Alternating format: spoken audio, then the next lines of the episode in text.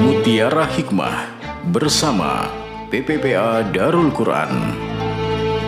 Sesungguhnya, apa yang kamu sembah selain Allah itu adalah berhala, dan kamu membuat dusta.